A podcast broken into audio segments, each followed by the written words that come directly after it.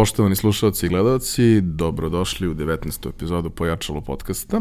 Ja sam vaš domaćin Ivan Minić, a moj današnji gost je Aleksej Vasić iz Lumina Images. A, pošto ja ne umem da objasnim, a prilično dugo pratim šta vi radite, pa mi je problem da baš ne mogu da nađem prave reči za to, ne umem da objasnim šta je Lumina Images. A, hajde ti probaj da, da, da približiš ljudima šta je i čime se bavite. to je nam uvek malo problem, pošto smo nekako miks između nekih ovaj, različitih stvari, ali uglavnom primarno nam je da se bavimo a, stok stok produkcijom, da tako kažemo. Uh, fotografija nam je opet tu negde naj, naj, ovaj, najbitniji segment, ali pored toga radimo i neke druge stvari, poput on, saradnje sa klijentima i video i tako dalje, tako da malo smo se raširili i ušli u neke isto domene, reklama, imamo nekoliko studija i ta, pa ono, biznisi oko toga i tako dalje. Ali nismo ni, da kažemo, ono, ni, ni klasičan studio, ni klasičan fotograf, ni klasična produkcija, nego imamo elemente svega, jer mi smo kada smo počeli, mi smo gradili tim onako kako je nama trebalo, a ne onako kako je da neki način ono, standard u industriji. da. da. Tako da, eto, mi imamo i svoju, unutar toga imamo i svoju svoje, svoje, svoje producente i art direkciju, fotografe, retušere i tako dalje. Tako da, tako, jedan poprilično šarenovik tim. E sad, vi koji slušate i gledate, se možda pitate zašto sam ja pozvao Alekseja da, da pričamo danas. Uh, tu postoji nekoliko razloga. Prvi razlog je da probamo ljudima da približimo šta je to stok fotografije. Da približimo ljudima šta je stok fotografije bila, šta je danas, Uh, uz nju vrlo često, prvo, mnogo ljudi ne zna šta je, drugo, i oni ljudi koji znaju vrlo često uz to ide neki prizvuk jeftinog, neozbiljnog, nečeg što je za jednokratnu upotrebu na neki način, nečeg što služi da se ispuni forma, popuni i tako dalje. A, a ne mora to biti tako.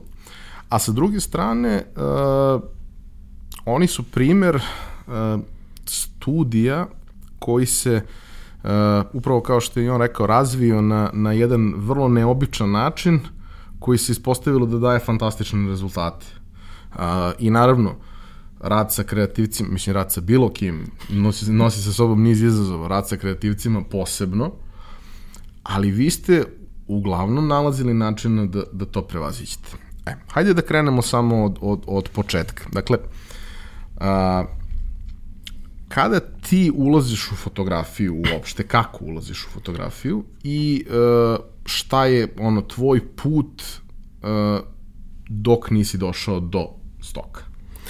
Pa to ja u fotografiju ulazim negde 2000 možda recimo 5. 6. sad to je potpuno ono, ušao sam iz nekog IT-a, krenuo sam kao, želeo sam da budem, uh, da, da se bavim programiranjem, tada mi je baš bio zanimljiv web, krenuo sam nešto da učim, dosta sam bio unutar uh, nekog ono, filersa i tako dalje, to je tada bio na ono primarni način, ono konektovanje na net, pa sam sa jednim drugarom to radio i tako i onda um, slučajno sam sasvim kupio fotoaparat kad sam bio u Moskvi sa drugarom, jer je on svoj zaboravio na klupi ili su mu ga ukrali, nikad nismo na kraju saznali i ja kupim neki mali ono, idiot ovaj, jeftini. To se meni nije svidelo, ali ja i poslužio za to putovanje i onda kad sam se vratio, ja sam teo da ga zamenim i ja ga prodam i rekao, aj sad ću kupim nešto bolje. I ja sad krenem tako, dođem ovaj, u jednu prodavnicu i kažem, rekao, ok, koliko košta, taj mi se sviđa, taj je, ne znam, nešto 200 eura. Meni to tad nisam imao toliko para, rekao, ok, aj ajde, sačekam ja da skupim toliko. Pa dođem sledeći put sa 200 eura, vidim drugi koji je 350. Pa rekao, a dobro, neću sada da kupim ni taj, nego idemo dalje i tako dalje. Da bi onda pronašao jedan forum, zove se Design Zona i tamo krenuo dosta da čitam, da učim o tome, to mi se nekako ono, baš svidelo. Ja generalno volim teh tehniku i, i sad kao što više tih manuelnih podešavanja, što više tih tako nekih stvari da bi ja onda uh, saznao za to da, su, da postoje DSLR-ovi koji mi izmenjuju objektive, da je to ceo svet za sebe i tako dalje. I ovaj, tu sam negde ono radio opet celo leto, skupio nekih 500 eura i tada kupio fotoaparat, kupio prvi DSLR. I onda imam neku obsesiju ka tome da kada potrošim neke pare, pogotovo kada ih potrošim nekako uh, bez razloga, da probam da, da nešto i uradim s tim, pa sam ja onda, a na dizajn zoni sam već bio i negde, onda posle toga sam probao i da fotografišem i venčanja i raznorazne druge stvari to odmah ja mislim da od negde 2006. sam pokušao i sa stokom, odnosno stok fotografijom, Ovaj, tako da poprilično dugo sam u tome negde bio ovaj, skoro od samih početaka kad je to kad je to krenulo, pogotovo na ovim prostorima da se, da se popularizuje, ovaj, sam bio u tome. Uh, I to je sad imalo neku svoju poprilično onako lepu putanju, to je krenulo ono, eksplozivno, 2010. sam ja već imao ozbiljan portfolio i ozbiljnu zaradu i sve i tad sam negde bio na, na, na studijama, na fonu.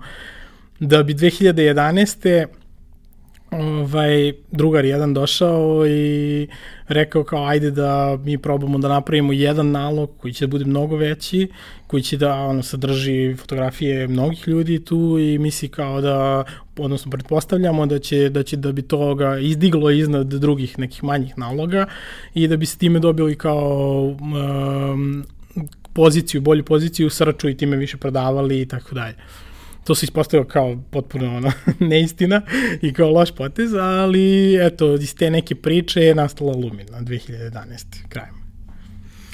A, u tom periodu inicijalnog tvog rada na stoku, stvari su funkcionisali dosta drugačije nego danas. Mnogi ljudi svoja saznanja vezana za, za taj domen fotografije baziraju u suštini na stvarima koje su tad bile tačne, a danas više da. nemaju nekog naročitog smisla i nemaju, nemaju vrednost. Uh, šta se to sve konkretno promenilo i kako izgleda landscape danas? Pa, prvenstveno su se promenili igrači koji su tu bitni, da tako kažemo. Znači, tada 2006. godine um, je stok, sa, sam mikrostok o kome mi sada pričamo, je bio baš onako, da kažemo, začetku negde. Ovaj, I tada, ja sam to nekada ono volao, mislim da sam to pročitao negde, da su kao tada nekako najpopularnije, da je to bilo mesto za američke domaćice, da one kao, eto sad, peru paradajz pa uslikaju to ili nešto slično i onda to kao stavljaju tu i zarade nešto, neki sitan novac od toga što, što neko tome, nekome to treba i to on licencira. I u tom periodu je bukvalno moglo da se proda bilo šta. Znači, bukvalno bilo šta. Šta god da uslikaš, to bi neko kupio za neke jako sitne pare, ali bi neko to kupio. Ovaj, I to je tako išlo neko vreme, dok a, se taj mikrostok segment nije toliko razvio da je počeo da parira tradicionalnim stokovima um, i tim kolekcijama koje su bile daleko, daleko više um, ono, pozicionirane cenovno uh, i da onda sve veći i veći broj ljudi što ovih koji su inicijalno bili tu pa su razvili svoje znanja i razvili svoje kapacitete da to produciraju na jednom mnogo višem nivou, što ljudi koji su već bili ono fenomenalni fotografi i producirali fenomenalan stok samo za drugi segment, ono isto tako krenuli da dolaze u taj mikrostok segment da se slivaju i tako dalje. Tako da danas više to nije tako. Znači, nema, ono, moraju da postoje neki ono, neki poprilično viši estetski i, i tehnički standardi da bi to da bi od toga moglo da se napravi biznis. Znači Generalno opet kvalitet je jest, porastao značajno. Značajno, da, pogotovo ono, pogotovo u tom nekom ono estetskom smislu. Mislim da da da se to odrazilo dosta da sada m, jednostavno previše stvari na Instagramu izgledaju fenomenalno i onda stok mora da izgleda još bolje, zato što prosto za to neko on treba da da novac i tako dalje. Tako da sama ta lestica ono, definitivno raste iz godine u godinu i moram priznati da negde uh, povrat, jako je teško održati, troškovi rastu, a jako je teško održati um, sam kontinuitet u prodajama i tako dalje, ali opet sve više i više igrača, stokovi sve više i više rastu, znači sada sada su ono u pitanju milioni i milioni fotografija i isto tako jako velika količina konkurencije, tako da nije toliko lako kao što je bilo nekada, ali opet uz ono neko kao pametno segmentiranje svega toga je vrlo moguće napraviti fenomenalne rezultate. Uh, ono što je opet jedna od vaših specifičnosti i, i, i, i karakteristika je da uh, kada pričamo o, o stok fotografiji, većina ljudi pomišlja na nekakvi ono iStock, e, depozit, shutter, slične stvari, koji jesu najmasovniji, koji nude te neke i subscriptione i kupovinu po komadu koja je vrlo povoljna. E, vi ste iz druge priče, odnosno vi možda deo vas jeste došao iz, iz takve priče i razvijao se kroz to, ali vi ste danas studio koji radi jako ozbiljne stvari, odnosno uh, nisam siguran da ću to formulisati na pravi način, ali ti me ispravi ako možeš, a to je da, da stok fotografija je od nečega što je bilo to, e, fotografija, treba ti fotografija jabuke i odeš i kupiš fotografiju ili skineš fotografiju jabuke. Sada je to fotografija, odnosno, sada je to kupovina nečega što zapravo zaista treba da ti zameni organizovano slikanje i zaista treba da možda ili isprati ili možda čak i diktira estetiku tvog brenda. Upravo, mislim što se tiče same, ajde sad ću kao malo nazad, ali što se tiče same estetike, znači neverovatno mnogo puta nam se desilo da da, da dizajneri kupovinom nekih naših fotografija tek tada odluče o tome kao u kom smeru će da ide ceo taj dizajn, ono, od kolora do, mislim, oni imaju neku predstavu gde šta, ali da na kraju to postave bukvalno prema fotografijama, jer, jer fotografije su danas toliko dominantne da i video, mislim, koji je u, u velikom porastu, ali, ali taj vizualni deo, znači pogotovo kada gledamo, kada gledamo web, na, tu ja ne znam, kad sam video posljednji put neku stranicu gde kada dođem nije neka lepa fotografija ono, preko full screena i tako dalje. Tako da a, nekako je krenuo to a, u tom smeru da bude mnogo ozbiljnije i sam a, nivo je da, mnogo, mnogo više, ali a, to da, to je krenuo iz, a, i mi smo svi počeli iz tog mikrostok segmenta, I dalje smo negde u tom mikrostok segmentu, zato što mikro, mikrostok definiše da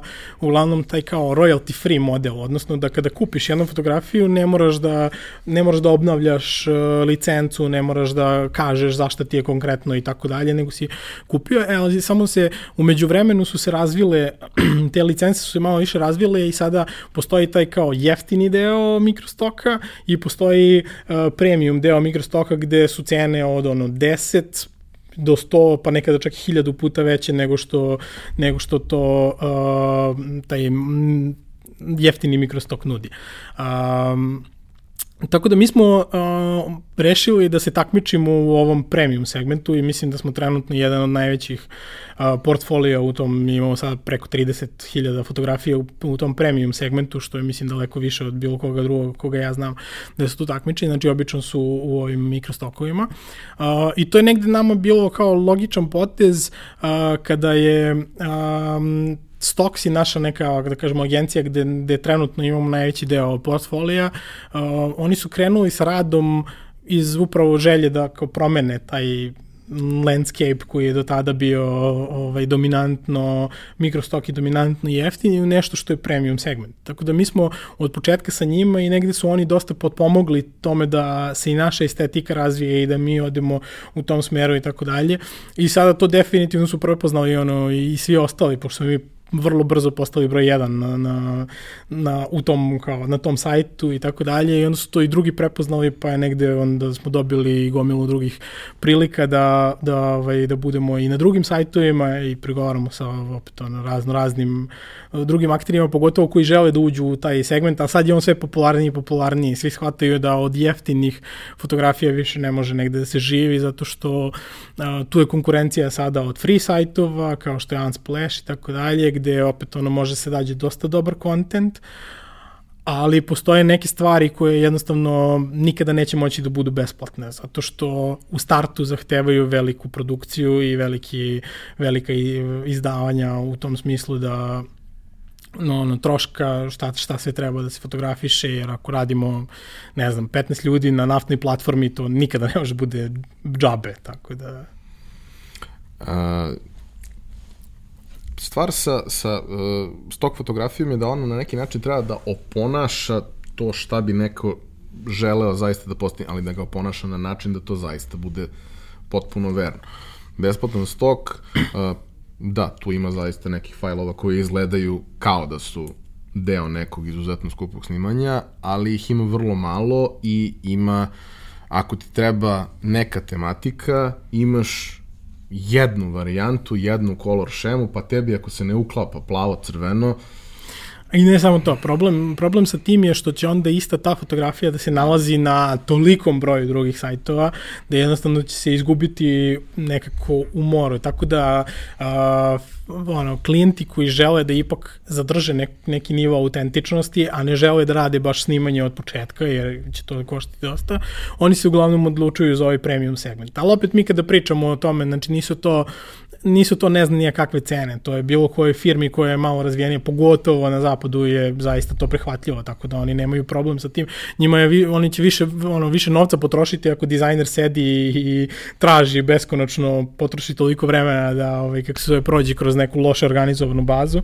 Tako da, to je jedan od um, od uh, boljih, um, da kažemo, ono, use case-eva ovaj, ovog premium stoka. Takođe, ono što, što taj premium stok nudi jeste da uh, se vrlo, pogotovo na Stoksiju, da je vrlo lako naći slične fotografije iz serije, što je do sada gotovo bilo nemoguće, jer ne postoje, na većini sajtova ne postoje načini da se pretražuje tako nešto, a više ne, nekako kada, kada postoji samo jedna fotografija negde gde je iskorišćena i, i samo ta je fotografija iz serije nekako to odmah govori da je to stok i, i, i umanjuje nekakvu vrednost ovaj, vizualnu uh, tog rada, tako da vidimo, ono, recimo nama je veliki deo prodaje je zapravo povezane fotografije koje idu, ono, koje se kupuju u paketu sa jednog snimanja gde postoji tačno, uh, tačno definisana estetika i sve, ono, sve fotografije i serije su i, ono, iste u, u koloru, u, u pristupu, u emociji, u svemu, tako da mi smo eto dosta se profili profilisali u tom segmentu? A, kada kažeš e, da je vrlo teško ispratiti da troškovna strana i prihodna strana za svako snimanje budu, budu dobri. A, nisam siguran koliko ljudi imaju sve šta zapravo podrazumeva jedno ozbiljno snimanje na nivou na kome vi to radite. A, hajde da prvo napravimo presek ko su svi ljudi koji učestvuju, šta je njihov posao, a onda kako otprilike izgleda sam posao kada do njega dođe. Da, pa mislim jedno snimanje, to je kao ovde je gde se očekuje da, da je fotografija jeftina stvar u, na, na ovom tržištu.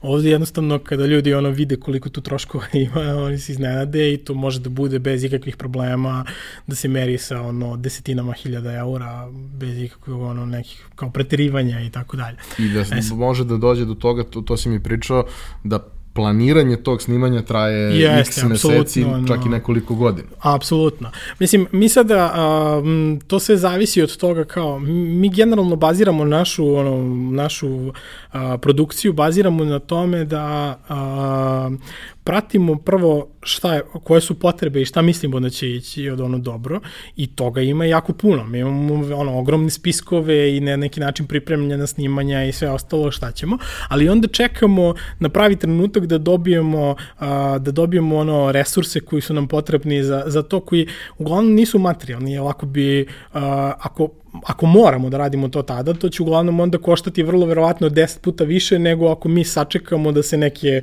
zvezde poklope ili da se nešto uradi. Sad ako nam baš treba neka lokacija za koju ne možemo da dobijemo u tom trenutku ovaj dozvolu, mi onda to moramo da ili ne možemo da dobijemo po nekim povoljnim uslovima ili nešto tako, mi moramo da platimo velike pare. Zato produkcija sama, da kažemo ono ne, komercijalna produkcija koja ide i za reklamu i za u smislu i za video i za foto i uglavnom mnogo skuplja nego nego, kada se radi za stok, zato što a, ti tada imaš snimajući dan i ti moraš tada da uklopiš sve. A mi imamo a, pristup da možemo da a, pametno iskorišćavamo sve što sve resurse koje imamo, pa onda umesto da uradimo samo dva kadra na jednoj lokaciji i da za tu lokaciju platimo ne, ono, velike pare za dva kadra, mi možemo da uradimo cijelo ono, nekoliko dana snimanja za skoro pa iste, isti novac, a da onda mnogo više izvučemo i da pametnije jednostavno to organizujemo. Tako da, um, kod uh, ovakve velike produkcije to kao pametno trošenje je najbitniji faktor. I Inače, dobro planiranje.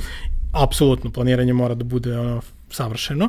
E sad, da, neki, ne, neka snimanja bukvalno nastanu kao, uh, kao ideja mnogo, mnogo ranije i onda čekaju dosta vremena da se pojavi ili, ili model koji će nam biti baš odgovarajući, inspirišući, ili lokacija, ili neki drugi ili treći resurs koji nam je potreban u tom trenutku ili mislim da se da se stvore uslovi da uh, može da se fotografiše bez rasvete da bi to uštedelo dovoljno veliki ono dovoljno veliki budžet ili ako je to opet ono neophodno kada se to isplanira i na, na koji je najbolji način da to isplaniramo, da li možemo da vežemo nekoliko snimanja pa da dobijemo popust na, na količinu i tako dalje. U svakom slučaju taj kao popust na količinu je u našem slučaju isto jedan jako bitan, jako bitan deo i mi ono, moramo da bi mi optimizovali ceo proces, mi moramo da produciramo negde oko 20 snimanja mesečno, što je baš veliki broj. Onako. Da, kada si, mi, kada si mi pričao uh, kako to izgleda sa, sa mnogim studijima u, u inostranstvu, oni tu količinu snimanja urade za godinu dana ili pa, za pola godine. Da, znači, ali to su uglavnom, znači to onda nisu baš studiji, jer studiji na ovom nivou na kojem mi radimo nisu toliko česti, pogotovo ne u stok industriji, jer oni ne znaju da rade, to su uglavnom tradicionalni neki studiji koji se nisu uspeli da se prilagode tim nekim novim okolnostima ovaj, koji je, da kažemo, stok doneo, što, mislim, opet ne manjka njima posla, nego jednostavno samo mi smo ušli u neki, u neki drugi segment. Ovaj, tako da definitivno mi potpuno drugačije radimo od svih tih studija i ono što je recimo karakteristično za nas je da uh, svi ljudi su na neki način ono koji su angažovani oko nas su uvek skoro full time tu, zato što 20 snimanja mesečno to znači snimanje skoro svaki dan, tako da ovaj, tako da je jedna jako, jako bitna stvar koju mi imamo jeste to da nam je uh, tim vrlo stabilan, nema velike fluktuacije, što nije slučaj opet uh, u, u industriji, nema velike fluktuacije i onda uh, sve nekako funkcioniše daleko, daleko bolje. Ja sam bio na, na gomili snimanja koja, koje su, da kažemo tako, ono, od uh, gomile ljudi koji su tu na projektu i, i to nikada nije toliko dobro organizovano kao kada, kada su ljudi tu ono, rade sedam godina zajedno i sedam godina se poznaju i oni bukvalno mogu samo da se pogledaju i znaju šta treba. Tako da...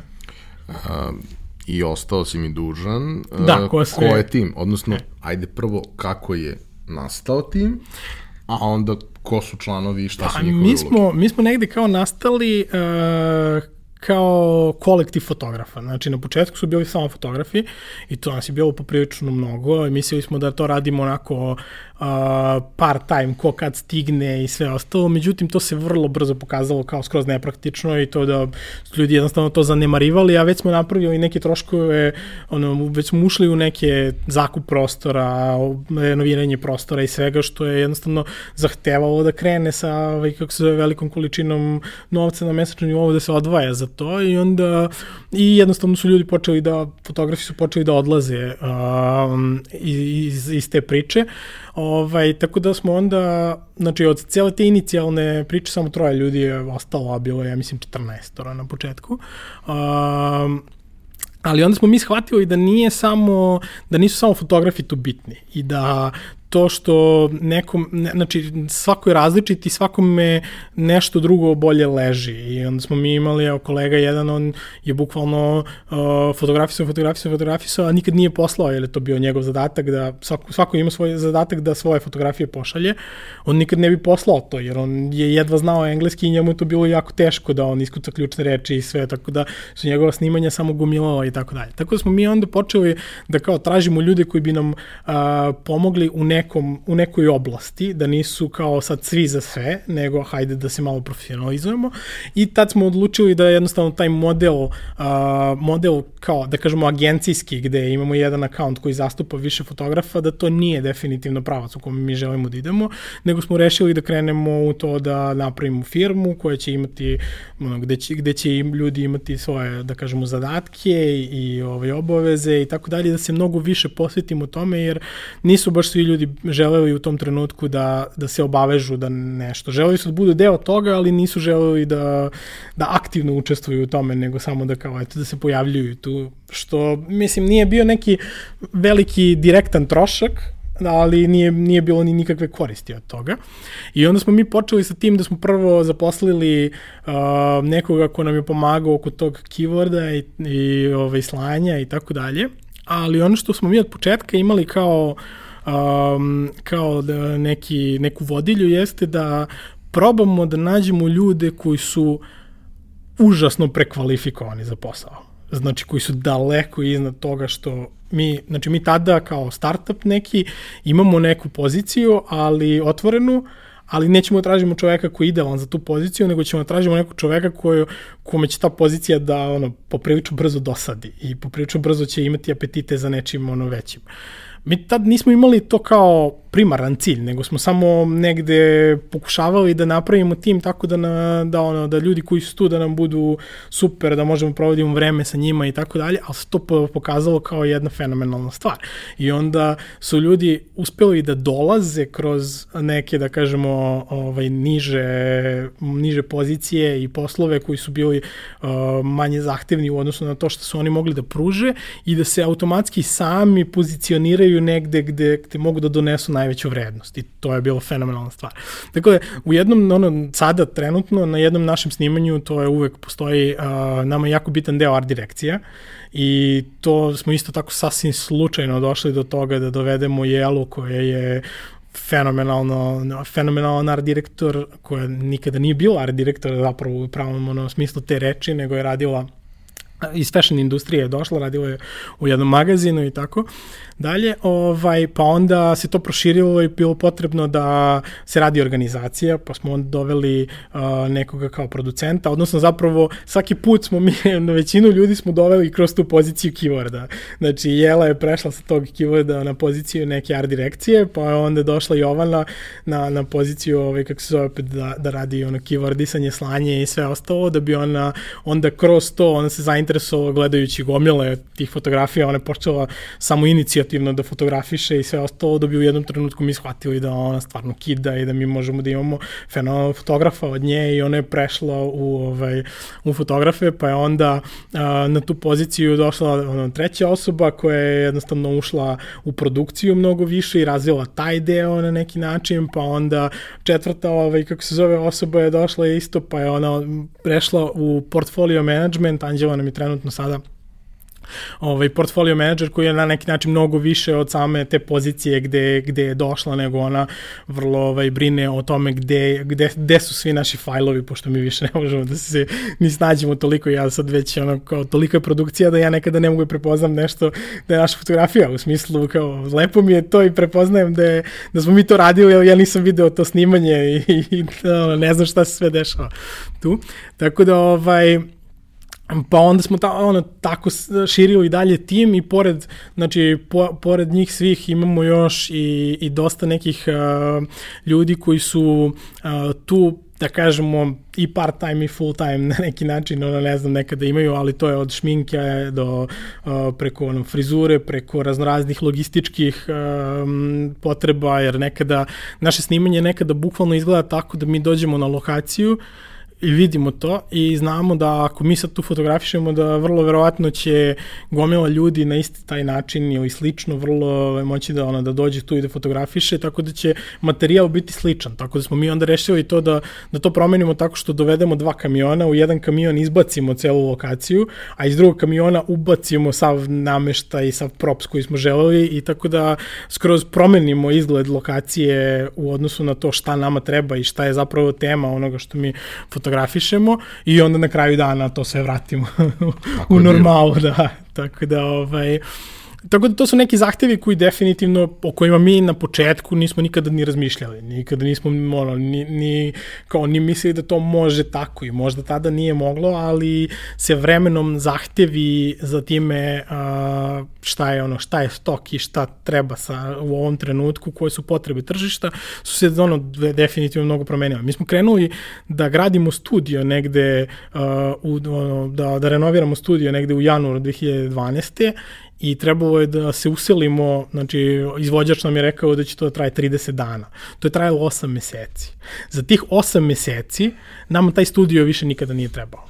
Zato što smo mi jednostavno sa nekom, a, sa nekom ovaj, um, percepcijom da ćemo mi tu da slikamo gomilu tih izolovana na belo, što bi se reklo, stvari, ovaj, kako se zove, i ono, i predmeta i ljudi i svega ostaloga, da bi za tih, eto, osam meseci koliko je nama trebalo da, da bi se trend potpuno promenio i da to je bukvalno sada nešto što uopšte ne može se proda.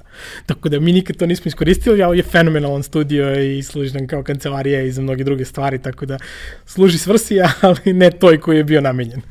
Dobro, i sa druge strane, uh, imaš jedan resurs koji je dovoljno veliki da možeš da napraviš u, njim, u njemu ambijent. Apsolutno, znači dešavalo nam se, recimo to je isto jedna od, da kažemo, konkurentskih prednosti, zato što mislim, odnosno siguran sam da u Beogradu ne postoje veće ovaj, fotostudio, postoje neki filmski studiji koji su veći, ali oni su i skuplji i tako dalje. Ovaj, uh, mi smo bukvalno imali neka snimanja za klijente što se tiče nameštaja i to izgleda tako da, ne znam, u 7, odnosno u 9 ujutro počne snimanje i mi fotografišemo do nekih 9 uveče. Uh, znači dan pre toga su napravljene dve prostorije unutar studija, dva ogromna kao stana. Ovaj, I znači u 9 ujutru počelo snimanje, mi smo to fotografisali do 9 uveče, u 9 uveče mi odlazimo, ulaze majstori, ruše te dve, ovaj, kako se ta dva stana i grade dva druga stana potpuno, da bi mi ujutru kada dođemo ponovo imali skroz drugi setove i to se tako radi. Tako da a, definitivno što se toga tiče imamo onako velike kapacitete koje možemo da, ovaj, kako se zove, da uposlimo mislimo kada, nam, kada za to postoji potreba i da se onda stvarno naprave neki rezultati koji, a, koji jednostavno nisu česti na ovom tržištu. E, ali ajde da stavimo to malo i u drugačiji kontekst. A zašto to kažem? Pa, stokeri sa ovih prostora i na Stoksiju su među vodećima, među ne znam, 50-ak najboljih ima jako puno ljudi sa ovih prostora. I sad, ok, uh, Stoksi ima i taj malo arci moment u kome su to neki ljudi sa specifičnom estetikom koji ne rade stvari na nivou na kojem rade, koji su pojedinci, neki rade neke svoje stvari koje su onako, sve su na, na neku njihovu foru, neki rade prosto nešto što možda nije klasična komercijalna fotografija, ali u toj priči njihovoj se i dalje ok prodaje i to, to ima smisla. Uh, ali to su uglavnom sve pojedinci. Ali je interesantno uh, kako je moguće da postoji toliko uspešnih, ne kažem dobrih fotografa, to je lična stvar doživljaja šta, šta je dobro, ali toliko uspešnih stok fotografa sa ovih prostora. Zašto? Pa ja mislim da je to onako poprilično specifičnost prostora, ali a, i dostupnost informacija. Ono što je recimo čudno je da u jednoj Hrvatskoj koja je pored, to uopšte ne postoji. Znači, oni ne znaju šta je stok fotografija. Mi kad smo kontaktirali, kad smo pokušali da pričamo, da organizujemo neko snimanje tamo i pokušali da pričamo sa a, agencijama za modele, mi uopšte nismo mogli njima da objasnimo šta mi to radimo i na koji način i kako, to je tamo gotovo nepostojeće. Uh, dok je recimo u Srbiji, u Makedoniji uh, i tako nekim ono zemljama ovde je mnogo bolje. Ja mislim iskreno da je tu, uh, da je glavnu ulogu tu igrala zajednica, koja je bila vrlo, vrlo na početku, pogotovo je bila vrlo otvorena i postojanje tih nekih foruma gde su ljudi i druženja i svega ostalo, gde su ljudi mogli da menjaju, ono, da razmenjuju znanje i sve ostalo, je u mnogome uticao da, da se jedan region razvije. E sad opet s druge strane je sama finansijska situacija kakva je u zemlji, jer um, realno nama je koliko pla, prosječna plata 300-400 eura. Ovaj, to je nešto što znači, neko radom za, ono, na stoku za, za strance, da tako kažemo, može relativno brzo ono, do toga da dođe i onda samim tim i ljudima to jako primamljivo, dok je to već u Hrvatskoj dosta, dosta viši prag i tako dalje. Tako da, a, to je ono to, to su neki spojevi, ali pored toga isto mislim da je onako uh, šta je naša prednost u odnosu na recimo neke azijske zemlje, a to su lepi ljudi. Mi imamo i to raznoliki ljudi gde mi imamo a, tu sreću da smo na nekom području gde, gde naši, ono, naši modeli mogu da prođu u bilo kom tržištu. Znači mi možemo to da prodajemo bukvalno i u Aziji, i u Americi, i u Australiji, i bilo gde. Tako da je tu negde onako dosta zanimljiv spoj, dok to na Tajlandu konkretno, ne mogu, ono, Tajlanđani ne mogu u tom nivou da rade kinezi pogotovo, gde oni koji su mnogo ono, zatvoreni i, i tako dalje. Tako da, a, tako da smo mi negde, da tako kažemo, možda i najjeftinija ovaj, Sjajan pogodna. miks. Da, sjajan miks zapravo od toga da, ono, da su kao mala primanja koja koja jednostavno teraju ljude da budu inovativni, da probaju da rade nešto drugačije nego, nego na nešto su navikli. A opet s druge strane mislim da smo i mi nekako skloni ka tome kao narod, kao nacija, da probamo neke stvari koje nisu baš kao, koje ne bi baš svi radili i tako dalje, koje nisu, ovaj, nego i postoji ta neka doza inovativnosti i, i želje da se nešto drugačije radi, tako da. A koliko misliš da ima veze i, uh, ok, prič, pomenuo si ljude, ali pričamo i o podneblju, odnosno činjenici da ti ovde imaš i uh, jako puno prirodnih nekih ambijenata koje mogu da budu isto Upravo. iz bilo koje tačke sveta, da čak i ako pričamo o nekakvoj arhitekturi, ti samo u Beogradu imaš sudar svih mogućih uh, civilizacije i stilova, a ako se raširiš malo po, po Srbiji i, i mnogo više toga, da je zapravo uh, sve to uz, ok, niz problema koje svakako postoje radeći ovde, a postoje i na drugim mestima neki drugi, da postoji zapravo jako puno prostora jako puno nekih pojedinačnih sjajnih stvari koje jeste. samo prosto treba iskoristiti. Jeste, jeste, to, to je definitivno. Ono što mislim da je sad problem a, definitivno, pogotovo ulaskom u ovaj, a, u ovaj segment a, premium a, stoka, je bio a, jako veliki izazov naći adekvatne interijere. Znači, mi tu baš mnogo zaostajemo. Zaostajemo za ono, od, od komšiluka, od Budimpešte koja je, gde stvarno može da nađeš svašta, do eto, Zagreba, do tako nekih ovaj, destinacija. S te strane nismo mi baš toliko, jer, jer sve to može da se nađe bukvalno na komad po nešto, ali to onda, ako može da se nađe, to onda svi iskoriste i na neki način bude prevelika, pošto ima previše ljudi koji se bave time, onda bude nekako previše, iskore, previše eksploatisan taj resurs. A čekaj, kada pričaš o tome, pričaš o nameštaju ne, više, i sitnim komadima. Više ne, više stvarima. pričam, više pričam o samim prostorima, ali ono, interijerima, kao ne o, ne o prirodnim lepotama i tako okay, dalje. Okay. Znači, više pričam o interijerima koji negde, mi smo bili, eto, u takvoj situaciji kako smo bili 90-ih i pre toga, pa onda negde nismo išli u korak sa svetom oko toga kako, ono, kako treba da izgleda neki, ne, ono, ne kako treba, nego kako izgleda neki skandinavski dom ili kako izgleda neki njujorski ili, ili bilo šta drugo, a to su trži tržišta na kojima mi najviše ono najviše prodajemo.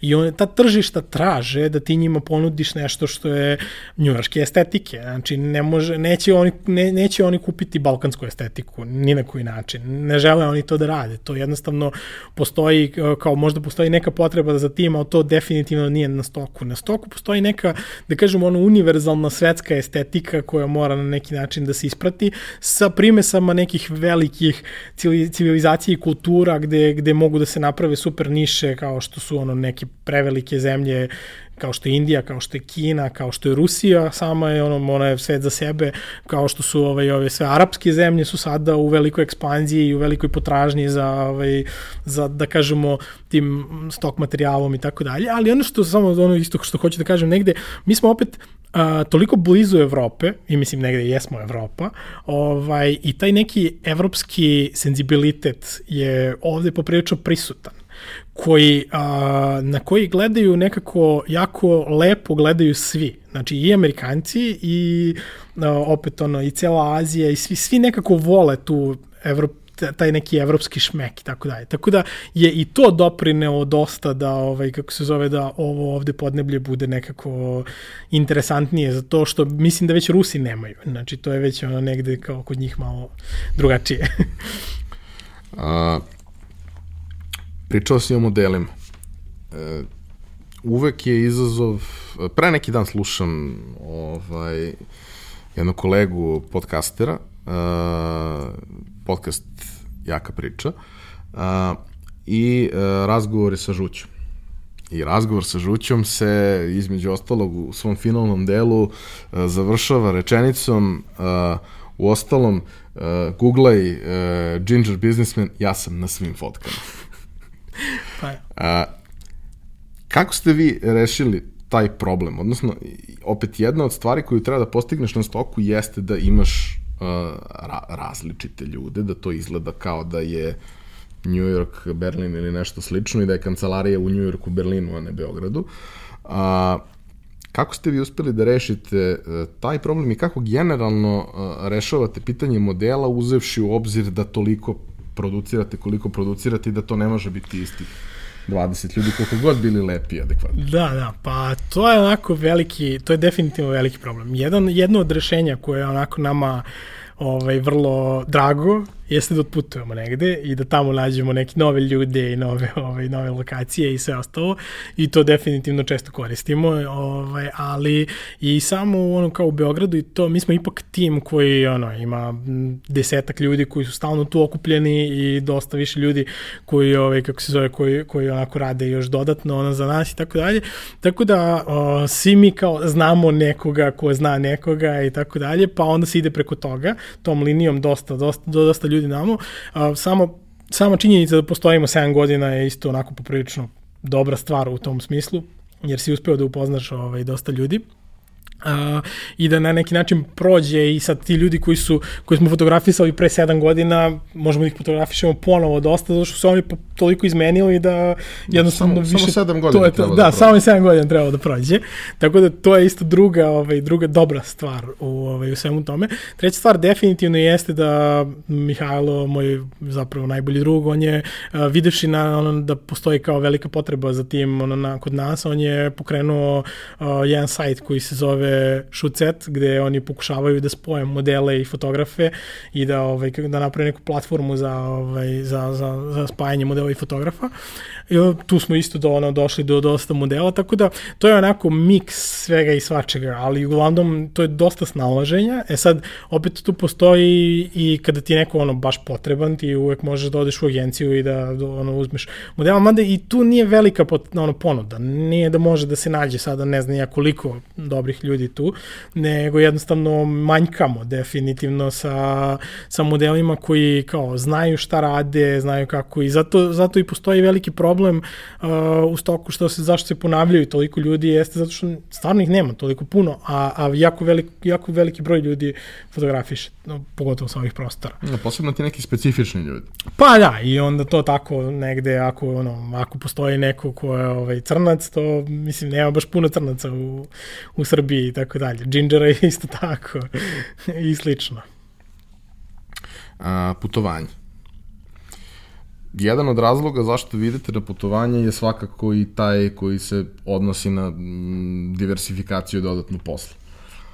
Ali putovanja donose još neke jako lepe stvari. Uh, pričao sam jednom prilikom o tome, mislim da bi bilo super da to podeliš. Znači, putovanja su naj naj, najbolja stvar za stvaranje tima. Znači, ja stvarno ne mogu da zamislim ništa drugo kao e, što bi moglo efikasnije da, da zameni to.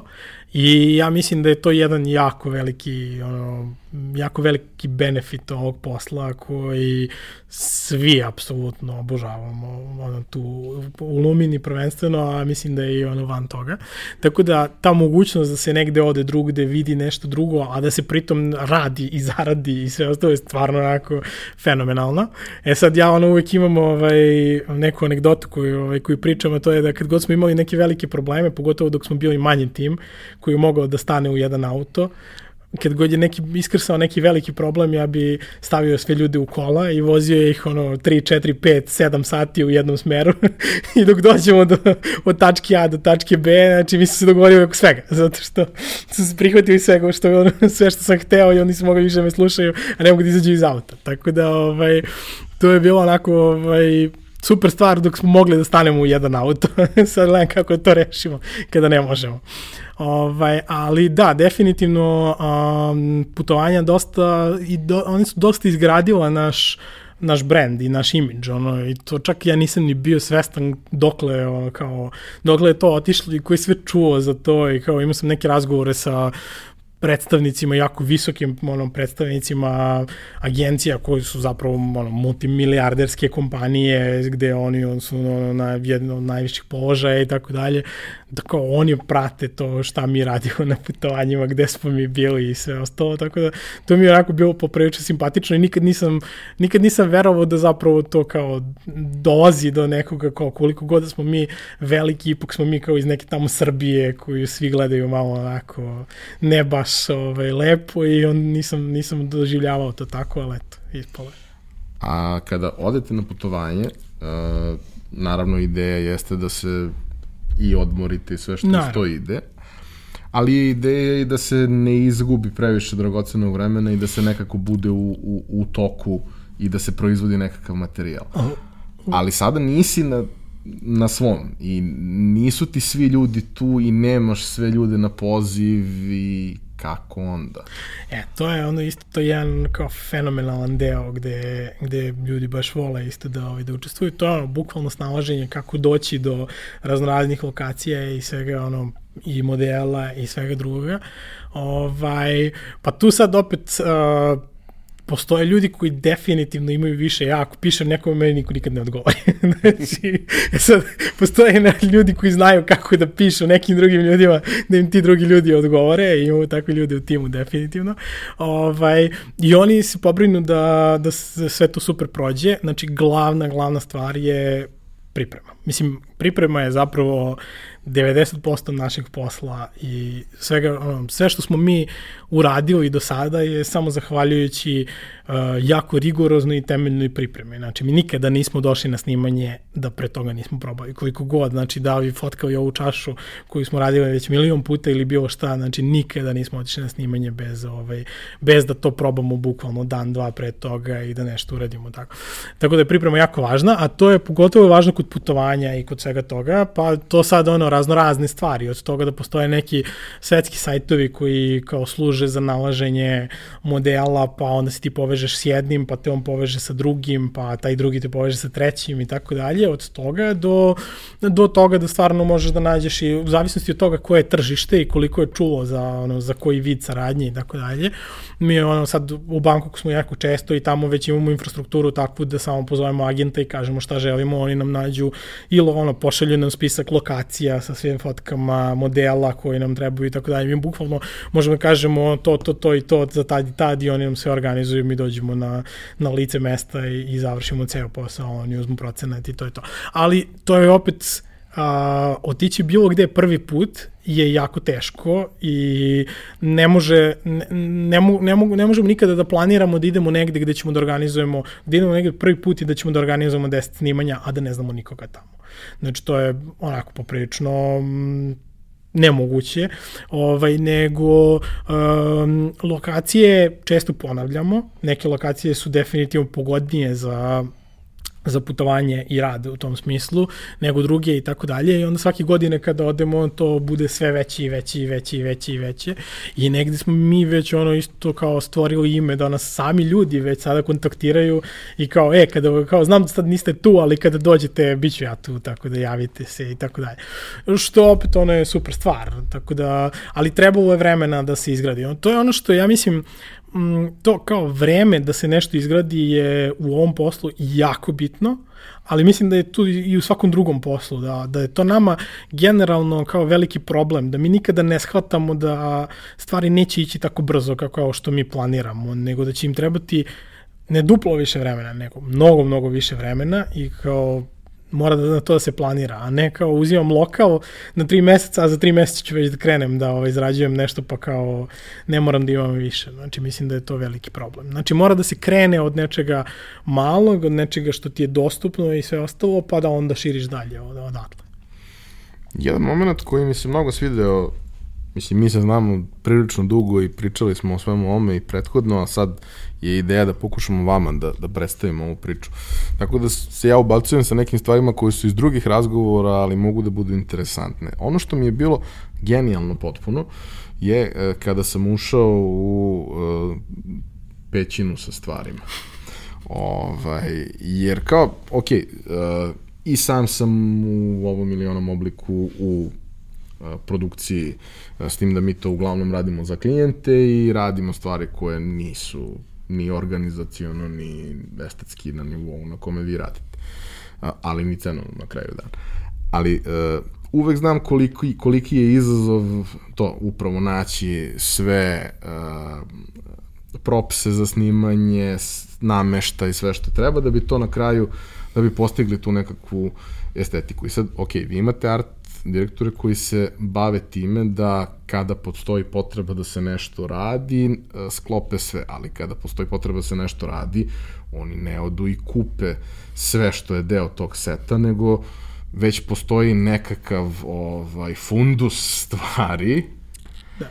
A to je opet još jedna od tih stvari koje se akumuliraju godinama i koje se grade godinama i koje Just. otišao si, e, imaš dva sata vremena slobodnog, otišao si da vidiš nešto i kupio si deset sitnica koje ti ne trebaju sada, ali će ti trebati nekad i na kraju ti dobar deo tih stvari negde iskoristiš. Pa kao, Kako to, to funkcioniš? To je onako, pa, mislim, prva stvar koja je tu potrebna jeste poverenje u ljude koji to nabavljaju. Da oni ove, imaju odrešene ruke da zapravo mogu da, ono, da, da kao planiraju to i tako dalje. Znači, jako je teško uraditi to ono kao danas mi treba, pa kao ajde sad za nedelju dana da mi sve sklopimo nekada je gotovo i nemoguće. Pogotovo, znači, mi gađamo tu um, estetiku koja ovde nije, um, nije na neki način prisutna sve vreme.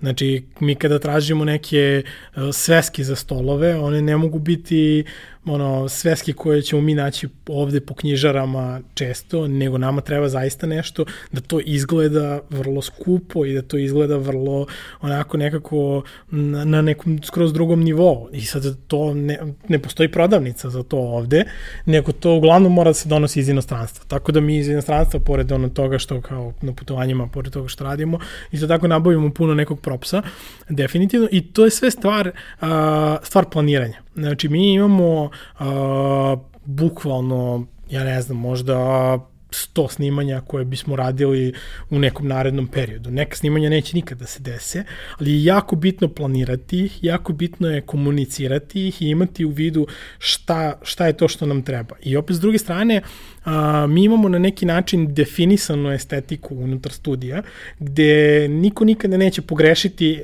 u ono, bilo koga da pošaljemo sada da kupi bilo šta, znači da pošalju mene da kupim žensku torbu, ja vrlo verovatno neću pogrešiti u tome, ako se ošte ne razumem, neću pogrešiti u tome, zato što je opet uh, sam taj uh, timski rad sve ove godine je doveo do toga da mi znamo ko smo, šta smo i na koji način mi to radimo i šta nama ono šta je nama potrebno i šta je nama lepo i tako dalje. Tako da tu je ono a, miks svega, da, imam, da imamo poverenje u ljude koji to nabavljaju i da oni imaju neku ono svest šta će za kada treba, ali opet još bitnija stvar je, ono što se ne vidi je koliko puta mi zapravo nešto rentiramo i šta radimo s tim i na koji način to pro proceniti, jer ako ti koristiš nešto 20 puta u toku meseca, to je svakako neisplativo da se rentira. Znači, šta god daje ne možeš da, onda je lakše to kupiti. Ali ako ćeš ti to koristiti jednom u tri godine, onda je to lakše da se rentira i tako dalje. I to je jako bitno da neko ko to nabavlja, da to ima negde u glavi, da, da bude svestan toga i da onda samim tim sa, ovaj, sa, sa, sa ono, tom nekom svešću odlazi i, i nabavlja. Tako da um, ne znam, opet to je neko isto akumuliranje svih tih stvari je dosta bitna stvar kroz ovaj period. Znači to trajanje je zapravo isplativo na mnogo, na mnogo ovaj, polja. Um, to je jedan od njih. I naravno, posle toga džaba ako smo mi nešto kupili ili bilo šta drugo, ako mi to posle ne možemo da nađemo ili ako se to uništi u, u ono, skladištu ili bilo šta drugo, tako da je bitno to ono, na adekvatan način i odložiti i, i znati gde ti je posle. Mislim, što nama definitivno nije baš jača strana, ali se trudimo, tako da ono, gomilo stvari moramo kupimo ponovo, zato što ne znamo gde je lakše da nađemo prodavnici nego kod nas u magazinu.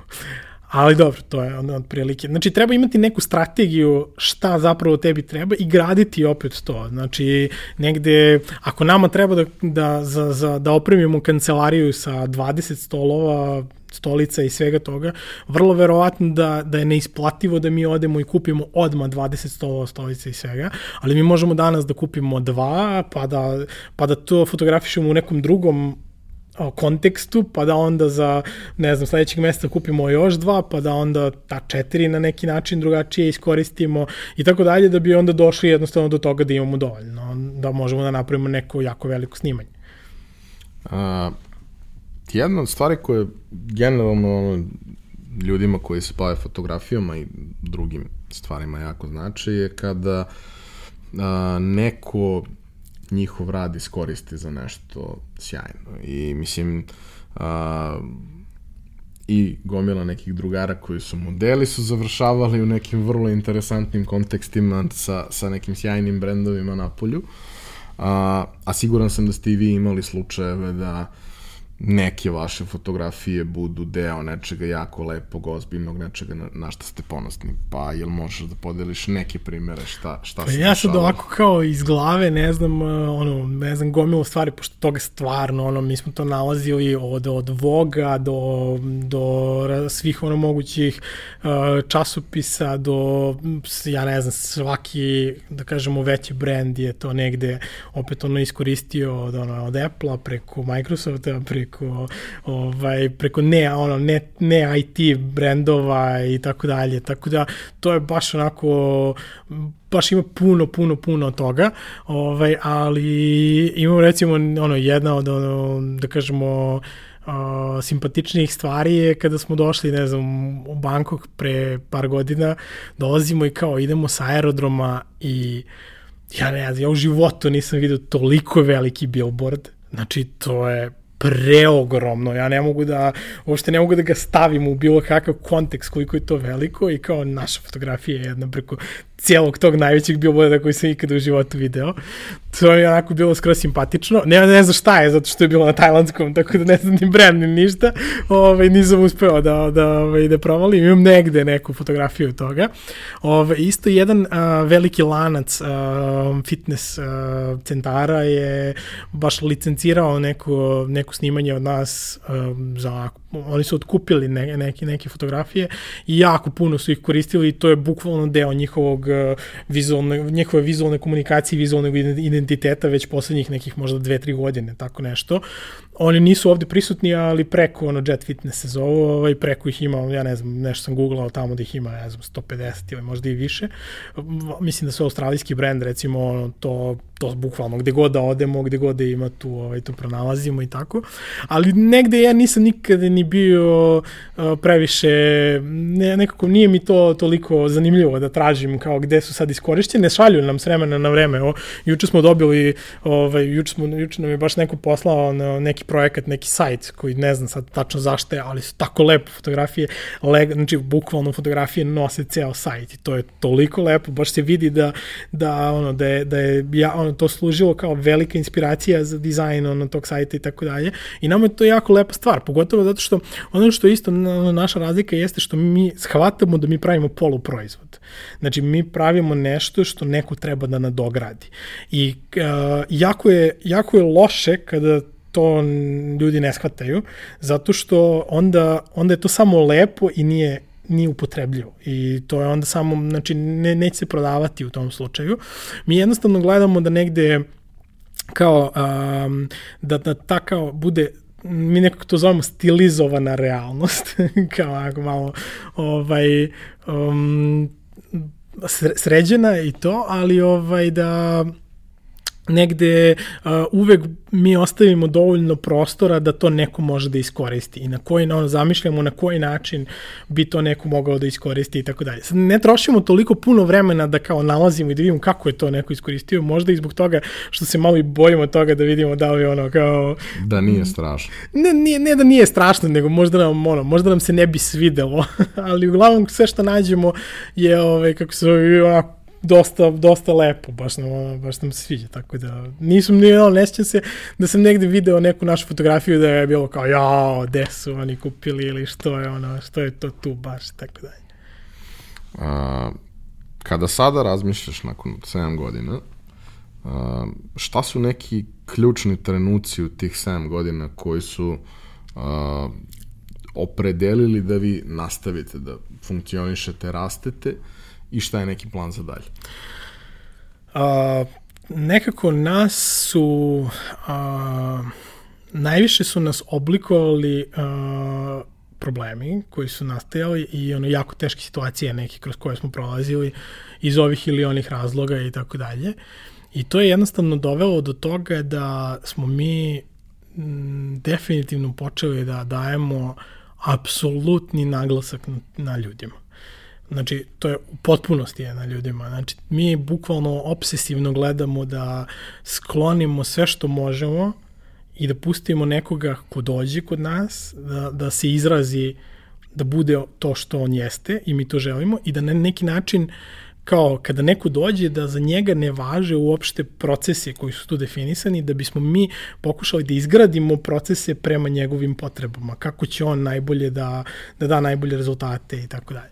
To je jedna jako komplikovana stvar i jako teška stvar, ali nekako m, definitivno uh, nam je pokazala da vredi na ono na primerima gde je to uspelo, a na primerima gde nije uspelo opet je pokazalo da vredi jer onda jednostavno smo shvatili da se da ono, da to kao ne funkcioniše, da, da to nismo da nismo kompatibilni i da ne treba to jednostavno nasiliti više od toga.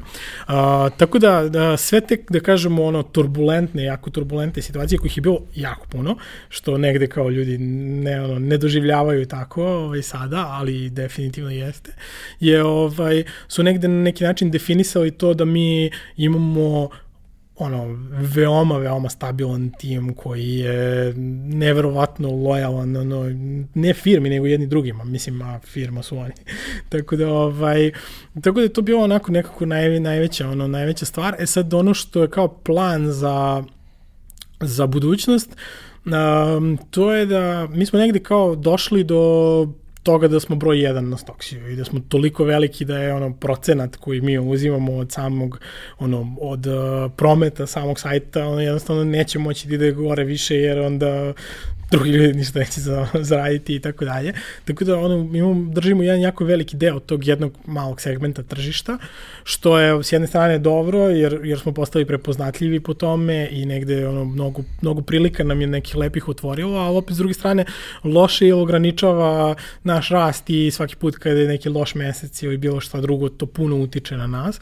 Tako da negde plan nam je da sada ovaj, već polako počnemo, gde tu smo se negde onako napravili tvrđavu i sad treba da ovaj, probamo još negde da, ono, da izađemo sa, ovaj, iz tog domena i da krenemo na još neko, nekim tržištima da, da se širimo i tako dalje. Ovaj, s druge strane, isto tako, sve više i više, mi smo na početku u potpunosti odbili da radimo bilo što sa klijentima. Ovaj, onda smo posle toga kao krenuli zato što su kasnije počeli da dolaze ljudi sa nekim zanimljivim projektima. I to nam je onako mnogo lepa stvar. Znači, ba, mi baš volimo da učestvujemo na, na nekim super zanimljivim projektima.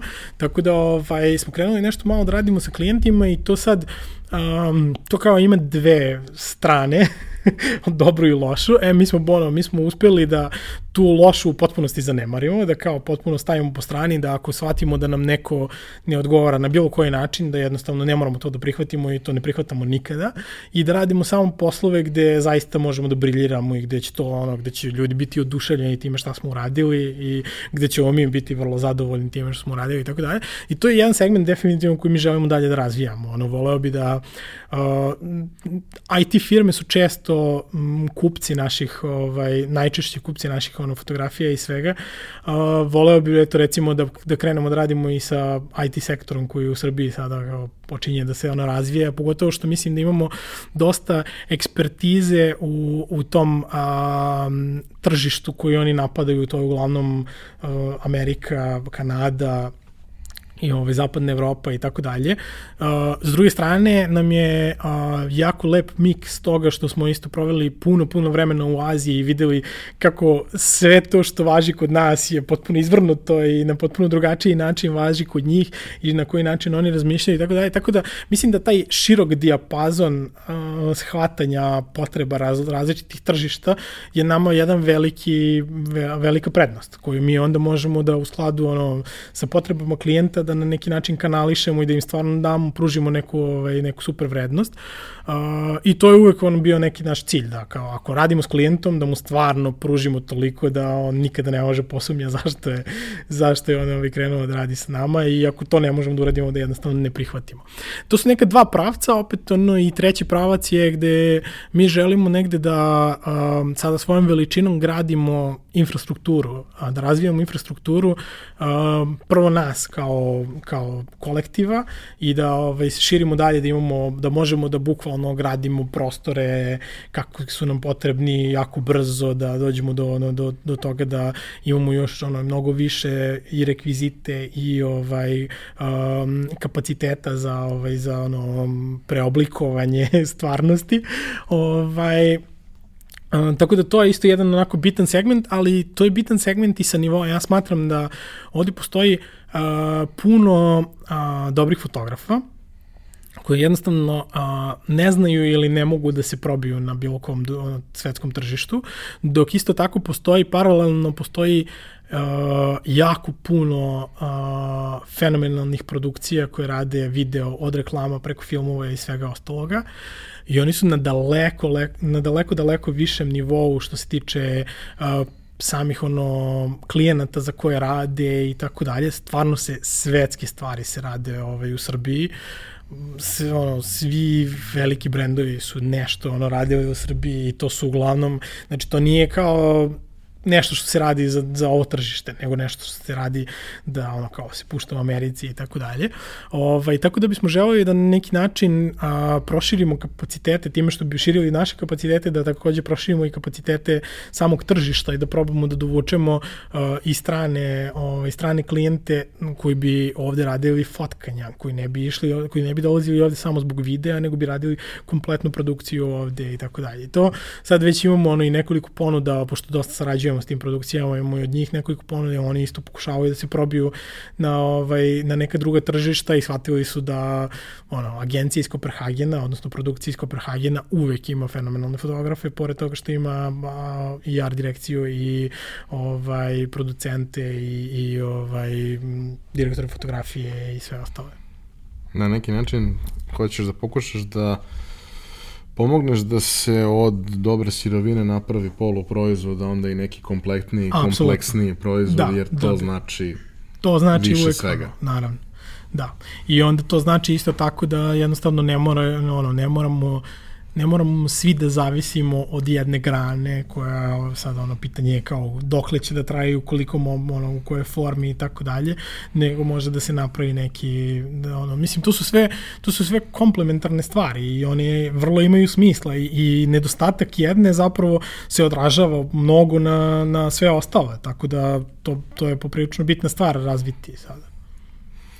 A, jedna stvar za kraj je to da e, zapravo znam nekoliko priča, a i ti si pomenuo da kod vas ljudi dolaze na poziciju e, keyboarda, a da zapravo završavaju na nekim potpuno drugim poslovima. E, dosta smo pričali o tome, ja imam taj neki ne možda najnužno pozitivni stav o načinu na koji klinci razmišljaju o svemu ovome što radimo i mi i vi, a nije, slič, nije isto slično, komplementarno je. A, a to je da ste vi zapravo uh, dosta ljudi napravili. Skoro sve. E, ali ljudi koji rade sada već ono jako ozbiljne, krajnje sofisticirane stvari, a, kod nas postoji taj moment mistifikovanja svega. Znači kao, u principu, banalizovat ću možda previše, ali nemoj me shvatiti pogrešno, nećeš, mislim, znamo se, ali kao, kada se to snimanje pripremi na način na koji ga pripremi, nije važno ko će da fotka. Nije da nije važno, ali realno bilo da. ko ko dođe će to uraditi ono, ono, što je meni, ono što je meni fascinantno jeste recimo da a, mi često to radimo, da recimo jedno snimanje fotografiše više fotografa. A, samim tim što smo mi gradili te ljude tako da oni budu oni, a ne da oni budu ono što mi želimo da budu, a, samim tim to što oni rade je u potpunosti različito. I oni, znači, ti kao gledaš i ne veruješ da je to isto snimanje, zato što je toliko uglovano, toliko se različitih stvari pazilo, toliko je različitih stvari ono, različitim ljudima bilo bitno i u fokusu i sve ostalo, A opet, uh, ti možeš da zameniš te ljudi i da kažeš, ok, ajde sad ti nemoj da budeš ti, nego ti budi onaj drugi, a ovaj drugi će bude ti i tako dalje. I onda će se opet dosta, ono, dosta dobro snaći u tome. A, to je, to je ta neka kao razmena znanja i to je a, i iskustvo i to je taj neki otvoreni pristup svemu, znači ne postoji ne postoji, ono, ne postoji silos i znanja koje niko ne pušta, nego je zapravo tvoja obaveza da prvo, mislim, prva stvar ko, koja je kod nas, ono, kada, do, kada ljudi dođu, mi im kažemo, ok, ti si sada nov i ti ćeš sigurno videti ovde nešto što ne valja. Tvoja obaveza je da ti ukažeš na to i da probaš da to promeniš. Znači, da li je to nered u studiju, da li je to nešto bilo šta drugo, znači koliko god to banalno bilo, ali obaveza svakog od nas je da primećuje stvari koje nisu dobre i da ih isto isto tako ne samo primećuje, nego ispravlja i da, da aktivno radi na tome. To ne znači da će taj neko morati da, ne znam, nije ono, izbaci dva kamiona šuta koje sam ja na, na, navuku u magacinima i tako nešto, ali jednostavno konstantnim, uh, konstantnim primećivanjem toga će se to jednostavno desiti i svi će se priključiti tome. Druga stvar je što, ono, isto način na koji mi radimo jeste taj da ne postoji nikakva hijerarhija i ne postoji nikakav pritisak. Znači, ne postoje stvari koje ne možeš da kažeš, e, to mi se ne radi zato što sam si ga birao. Znači, kod nas uglavnom funkcioniše snimanje tako što neko kaže, e, ljudi, kao, ja bi da fotkamo tako ili tako nešto, ili kao, bila sam, bila sam, sinoć sam bila na nekom plesu i videla sam neku baku koja pleše i to me baš inspirisalo, znači, znaš kako je lepo palo svetlo na nju i ne znam ja šta, i mi kao kažemo, važi, ok, ajde, kao, to bi bilo strava i tako dalje, i krene se u neko istraživanje toga. Znači, a, ti mora da imaš ideju za koju će neko da se priključi da radi. Znači, ako ako, ti, ako su tvoje ideje loše i ako niko neće na ono da se bavi tom realizacijom, onda joj ćeš ti sam da je realizuješ i ona neće biti realizovana. Ali nikada nismo nikoga uslovljavali time da mora nešto da, ovaj, kako se da uradi, da bi, ovaj, da bi da bi sad dobili platu ili ne bi dobili otkaz ili bilo šta drugo. To je jedan opet ono veliki izazov, zato što a, skalirati to je jako teško, ali ne samo sa onom kod skaliranja, nego i da bi uopšte funkcionisalo sve to je jako teško. Mi smo imali mnogo meseci pokušavanja da sklopimo te kockice, gde ono bukvalno u jednom trenutku smo imali tri meseca da, da nemamo kao ni jedno snimanje, ono, zato što nismo mogli da izorganizujemo te neke stvari, ali je upornost da kao probamo da ipak, uh, da ipak uradimo nešto drugačije je nekako prevladalo i to je dovelo do toga da, da se kockice stvarno sklope na mesto i da sad kao mi možemo da funkcionišemo bez ikakve hjerarhije, bez ičega da bilo ko to bilo šta nadgleda i tako dalje. Tako da, Dobro, ali ne postoji hijerarhija, ali postoji odgovornost. Pa da, mislim, ali odgovornost je isto tako kolektivna, što nije baš najbolja stvar uvek, ali definitivno doprinosi tome da se ljudi mnogo više povežu i da ljudi nekada nešto, što me kao bilo uvek, uvek mi je bilo to paradoksalno, ali sam se u jednom trenutku baš navukao na to i to mi je bilo jako bitna stvar, da će neki ljudi uh, uraditi nešto što će njima ne, ono, vrlo, vrlo vjerojatno donesti neki korist, ali ne zbog toga što će to njima doneti korist, nego zato što će to značiti da je nekome drugome iz tima to donelo korist. I on će zbog te osobe će uzeti da to radi. I to kao kada ti to vidiš na delu, to je nešto fantastično. Ja, ja stvarno mislim da ne postoji bolja stvar od toga. Tako da, meni je to užasno inspirativno. I ja kad sam video ono da kao od toga da kao kad su bila neka smanjenja plata, kad su bile neke tako ono stvari, do toga da su ljudi bili kao, ok, meni to ne treba, daj, daj njemu ili njoj, njoj to više treba i tako dalje, do tako nekih ono trivialnih stvari.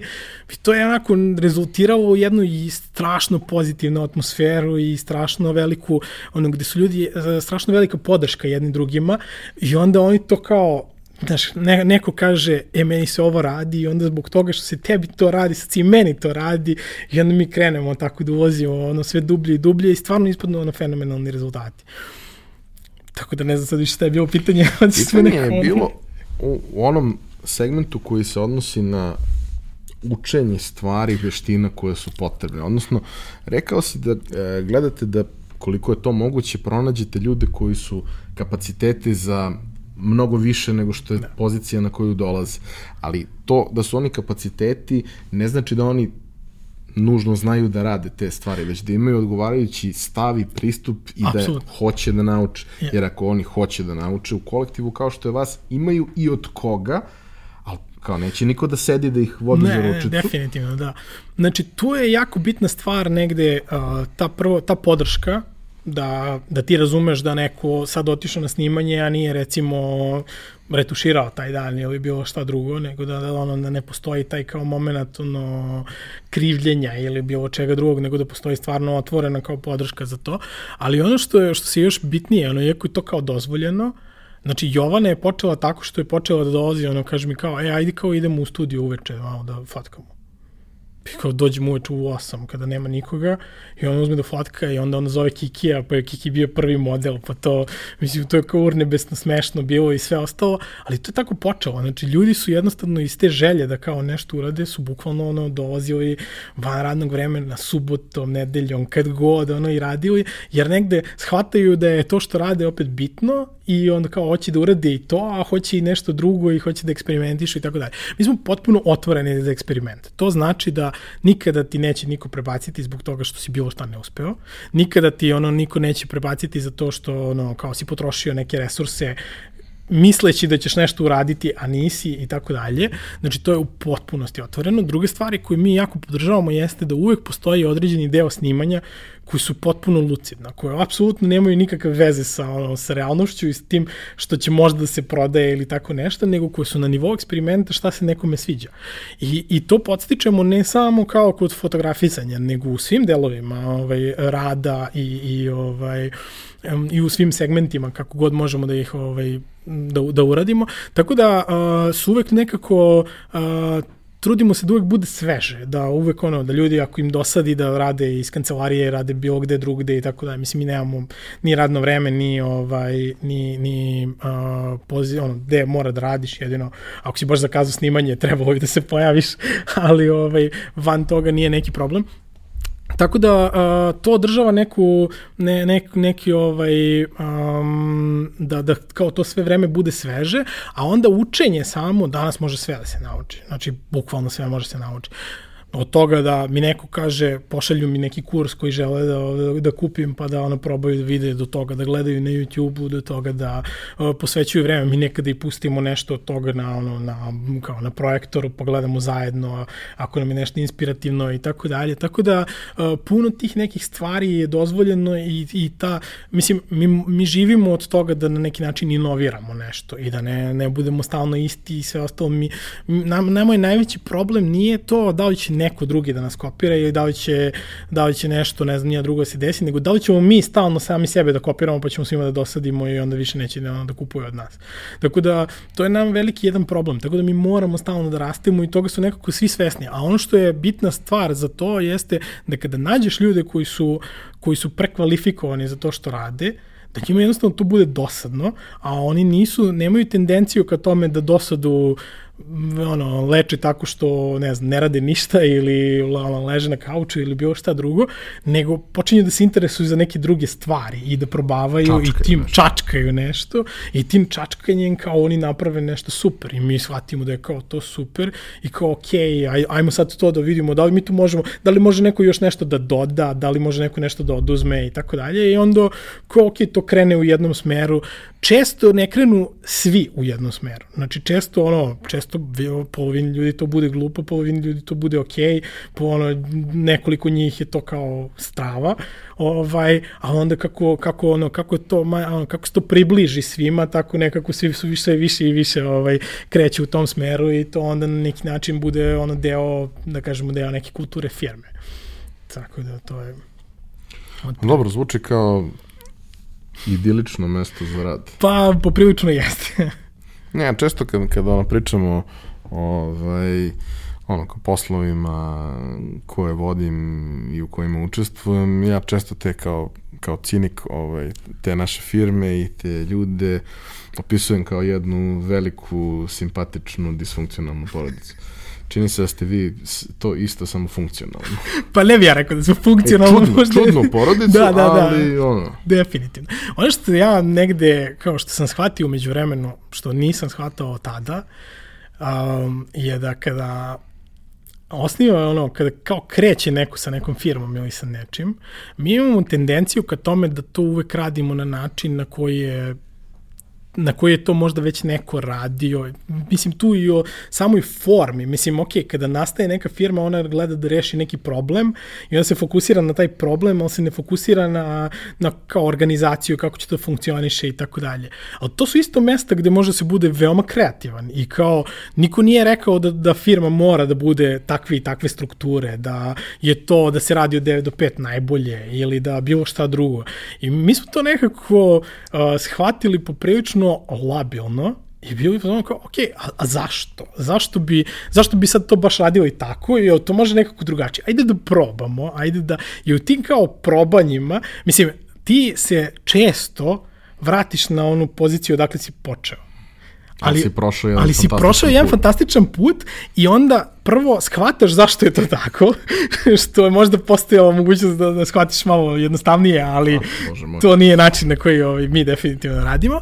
Ovaj, shvataš zašto je to tako i nekako opet ono ceniš i kroz taj ceo put si toliko puno stvari naučio o sebi i o drugima i svemu, da je to jednostavno vredelo. I, i to ja mislim da, da baš na ovim prostorima nedostaje kreativnosti u tome kako će da se organizuje sam proces rada i sam ono, kako će to da izgleda i zašto to mora da izgleda baš tako kako izgleda.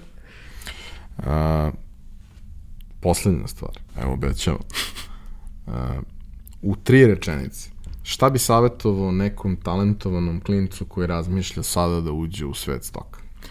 Pa ja mislim da prvo ne mora da bude talentovan. Znači, to je negde kao prva neka, a, neka zabluda koju ljudi ovde.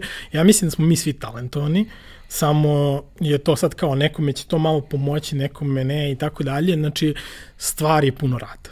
Znači, prva i osnovna stvar je istrajnost, Druga i osnovna stvar, to je fenomenalno mesto gde mogu da se probavaju stvari. Znači, ufotkaš nešto, odmah pošalješ, probaš, vidiš da li to ide ili ne ide. Ako ne ide, zašto ne ide, šta bi ja mogu tu da ono, analiziraš, pričaš sa ljudima, pričaš sa drugim ljudima, pokušaš da vidiš ono gde ljudi koriste slične stvari, na koji način to izgleda i tako dalje. Ovaj, I taj kao proces mora da se sastoji od tih iteracija, znači probavanje, učenje i ovaj, kako se zove ono kao sve vreme u krug probavanje učenje na greškama, probavanje učenja na greškama i to je non stop tako. Znači ne postoji škola za stok, ne postoji škola za mislim većinu stvari koje koje se danas rade i tako dalje. Tako da jednostavno taj momenat probavanja, odnosno eksperimentisanja je užasno bitan i, i to mora da to mora da postoji na svakom nivou. Učenje kroz praksu. Jeste, apsolutno. Znači, a i mislim i samo to kao um, da kažemo uh, učenje i kroz ako gledate neki tutoriale ili bilo šta kojih ima milion, nemoj pogledati jedan i nemoj se zdržite na jednom ovaj na jednom pravcu zato što mislim opet ko kaže da to mora tako Znači, to je jako bitno pitanje, da, ono, da li to mora baš tako i da li ja mogu da se poigram sa nečim i da probam drugačije. Tako da, to, to je u mnogo, u mnogo slučajeva nama, ono, nije rezultiralo ni u kakvim, ovaj, ono, nije dalo nikakve rezultate, a opet u malom broju slučajeva je dao toliko fenomenalne rezultate da je to jednostavno u potpunosti promenilo način na koji mi radimo, šta radimo i sve ostalo. Tako da ja ne mogu da ne, ono, ne, ne ohrabrim ljude da, da ovaj, eksperimentišu puno. I, um, znači, to je sve jedan jako dug proces. Nama je sada, po nekim mojim otprilike preliminarni, ovaj, pošto ja nisam baš najbolji u, u financijama, a, ovaj, a moram, nažalost, tim se bavim, ovaj, nama treba preko 18 meseci da isplatimo jedno snimanje. Znači, to je jako dug period. Ti danas vežeš veliku količinu novca i onda čekaš 18 meseci da ovaj, da se to povrati. Nekada to bude i mnogo duže, zato što nekada nama po ono, dva, dve godine stoje snimanje na hard disku, ali to je već druga stvar. Ali u svakom slučaju, znači, uh, mora da postoji vreme. Taj, to vreme mora da se da, da, ono, da, kao, da, da taj nalog počne da diše i tako dalje. I mora da postoji kontinuitet. Ako se desi da vi sad u naletu uradite pet snimanja i onda se pošaljete i ništa se ne desi, vrlo verovatno, i vi onda napravite pauzu od ono četiri meseca i onda posle toga kao opet ono nešto to malo krene i onda vi opet uradite pet snimanja i opet se ništa ne desi, vrlo verovatno se ono, nikada više nećete moći da dođete do toga. Znači, mora da postoji kontinuitet. Ono, ako želite da se bavite ovim danas, više nije dovoljno da se to samo radi na nivou kao part-time ili ja to želim. Možda može nekom, ali mislim da ne može se napravi, to može da bude neki džeparac, ali ne može se napravi biznis od toga. Ali ako neko želi da napravi nešto ozbiljnije od toga i neku karijeru ili nešto, mora da, mora da ima kontinuitet. I ja bih samo dodao, mislim, jeste da ja vodim ovaj intervju, a ne učestvujem, ali na neki način ja sam u celoj toj priči i edukacije mladih i, i motivisanja da negde krenu i sve. Učite što više stvari. Apsolutno. Učite toliko toga, učite, učite, kao što si ti rekao, pogledajte 50 tutoriala o tome na kako se temu, postavlja sve. Na ono različite jednostavno... Jer kao, nikad ne znate kada će neka od stvari koje ste naučili, koje znate, koju imate negde u glavi, da vam posluži u nekoj situaciji u kojoj možda to na, na prvu loptu i uopšte ne deluje. Gde kao, kad sedneš i razmišljaš, meni treba rešenje za ovo i tražiš to rešenje, nećeš ga naći, ali ako imaš gomilu preznanja, naći ćeš neko potpuno drugo rešenje za koje nisi ni znao da postoji. Absolut. Jer imaš nekakav korpus znanja koji je ogroman, imaš, znaš, ono, potpuno si siguran u sebe da nećeš imati problem lupam, da tehnički realizuješ naravno, tu celu stvar. Ako ubaciš u jednačinu i to da, da ti je frka, da li ćeš ti to tehnički da uradiš kako treba? Pa mislim, znaš, kao, da. zašto bismo sebi pravili dodatni pritisak na stvari koje su banalne, koje mogu da se nauče? I ono što je bitna stvar isto je da svaka stvar mora, može da se uradi na mnogo načina, a, ali to a, poznavanje mnogo tih načina opet znači da ćete uvek uraditi to na najbolji, najefikasniji način koji je u tom trenutku pogodan. Tako da treba uvek znati mnogo više nego što ti zapravo treba u tom trenutku. Tako da. Dragi moj Alekse, hvala ti što si bio, hvala što si ispričao hvala vašu te. priču. A, verujem da je, da je svima bilo interesantno, verujem da je nekima možda bilo i korisno. Poštovani slušalci i gledalci, vama hvala na pažnji i hvala na svim uh, kritikama do sada.